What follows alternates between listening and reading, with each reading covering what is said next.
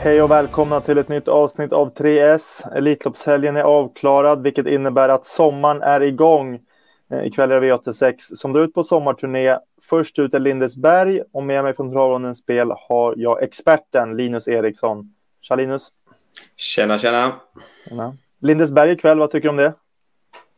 Nej, men det är väl en kul idé som de har gjort här nu de senaste åren att eh, dra iväg på sommarturné här. Det blir alltid lite extra eh, festligt när de här mindre banorna får en eh, lite större dag att se fram emot. Så att eh, jag har absolut inga problem med att det blir lite omväxling från Expressen. Mm, mm. Kul också att det är verkligen Lindesberg som en, eh, känns som en riktig, riktig sommarbana. Precis, precis. De har sin charm de där. Mm, mm. Du, eh, vi ska köra igång. Vi har tre rubriker att bränna av och först ut är som vanligt spiken.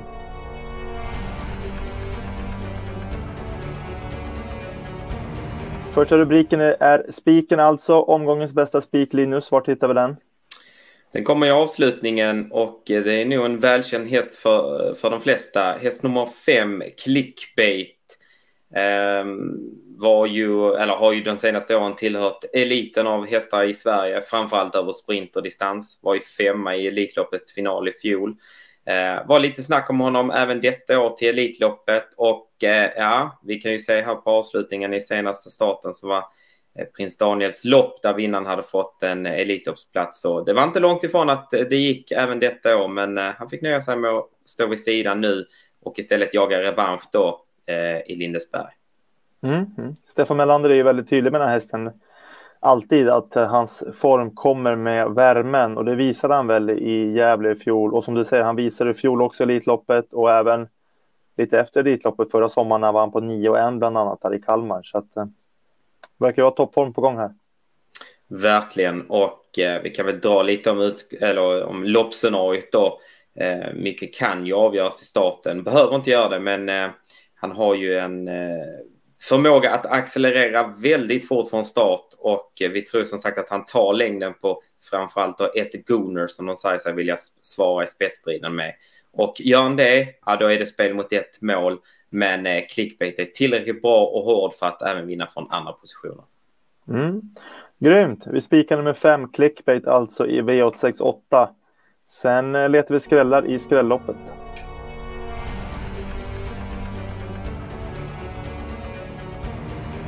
Det är dags för den andra rubriken alltså, som är skrälloppet. Vart har vi skrälloppet, Linus?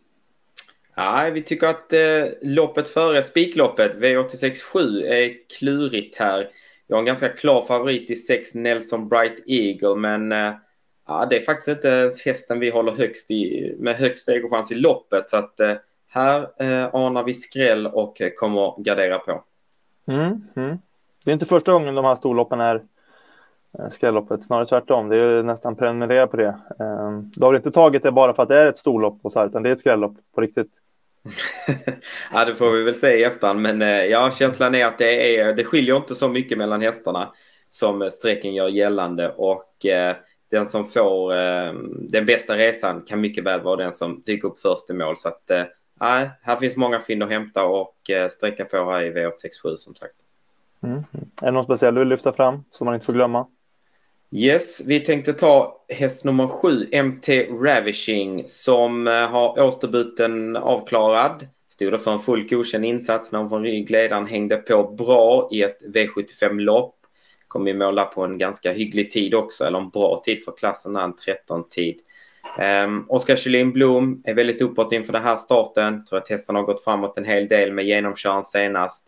Väldigt speedig när han får sitt lopp. Uh, och uh, tillägget gör väl inte så mycket. Hon sitter direkt i andra spår och löser det bara sig med ryggarna då kan vi se MT Ravishing spurta förbi alla. Mm. Snyggt. Nummer sju, MT Ravishing alltså. Eh, får man inte missa i skrälloppet som är V867. Nu är det dags för den sista rubriken som är chaset.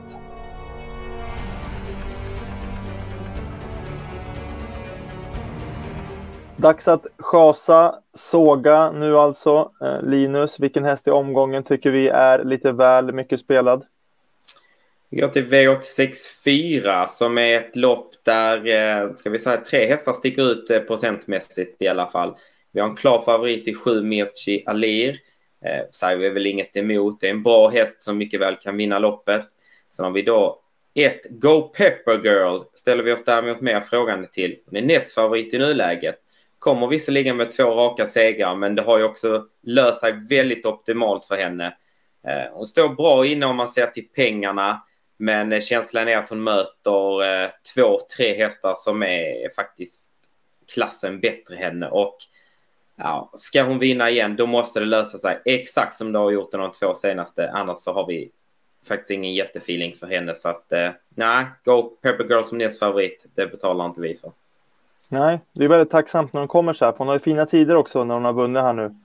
Eh, även för sådana här lopp. Då. Men som du ser, det har varit lite enklare motstånd och väldigt serverat här ryggledaren varje gång. Sen kan hon få ryggledaren idag också, men man säger också från stallet att det är mycket tuffare motstånd idag och man är glad om man bara kan hänga med till en plats. Ju. Precis. Och det är kanske inget man vill höra på en som är sträckad på när vi spelar in nästan 20 procent. Nej, nej, verkligen inte. Chas alltså nummer ett, Go Pepper Girl V864.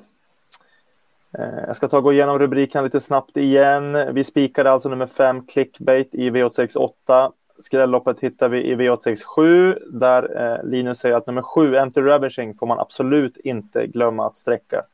Sen chasar vi nummer ett, Go Pepper Girl i V864 som vi anser är lite väl hårt spelad ikväll. Eh, stort tack för att ni tittar och lycka till på spelen.